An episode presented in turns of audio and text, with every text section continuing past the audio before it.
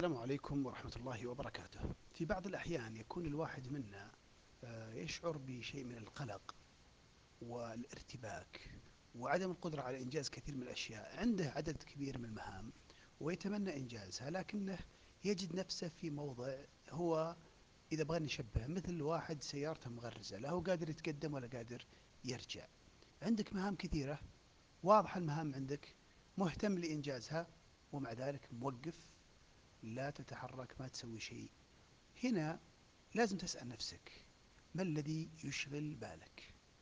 ما هو الشيء أو ما هي الأشياء التي تشغلك؟ أحيانا آه، أنا أشبهها أحيانا يعني هذا الوضع بمثل الشخ... مثل لو أن عندنا آه، بوابة آه، لمبنى معين وهذه البوابة جت تطلع منها أربع أو خمس سيارات. فكل السيارات جت تطلع مع البوابة في وقت واحد فوقفوا. هذا لا يقدر يقدم لو قدم صدم الثاني هذا ما يقدر يرجع. فصار في أزمة. لازم يجي واحد يفك الأزمة هذه ويقول لفلان تقدم لفلان تأخر حتى تخرجون واحدا واحدا. لأن البوابة في الأخير ما تأخذ إلا سيارة واحدة. وأنتم عشر سيارات تبغون تطلعون كلكم في وقت واحد هذا غير ممكن. لو توق... لو وقف واحد منكم وراء الثاني بشكل متسلسل لتمكنتم الخروج في يعني دقيقة أو دقيقتين. بالوضع الراهن ممكن تقعدون لكم آه، ربع ساعة وأنتم يعني ما تحركتم أو أكثر.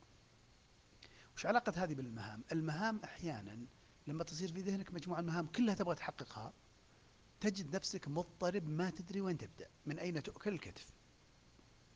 ولذلك في مثل هذه الحالة التي تشعر فيها بأن المهام كثيرة وأنك لا تعمل ولا شيء الحل الأول هو أن تكتب قائمة المهام. ما الذي يشغل بالك؟ تقول لي والله المهمة الأولى أنا عندي مشكلة بصلح السيارة.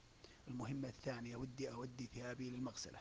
المهمة الثالثة في تكليف مطلوب مني للمدرسة ولا للجامعة؟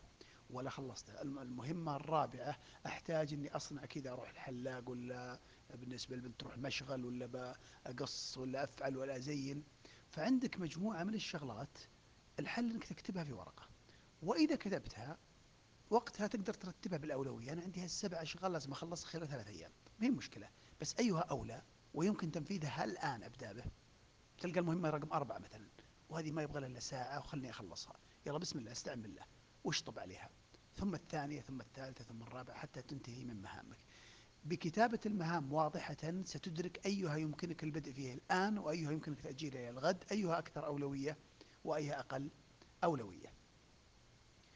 وهذه الوصية من خلال تجربة هي فعلا تحقق لك راحة البال من جهة وتعرف ما الذي أشغلك وتحقق لك الإنجاز من جهة أخرى. تمنيتي لكم بمهام منجزة وذهن صافي لتنفيذ المهام. والسلام عليكم ورحمة الله وبركاته.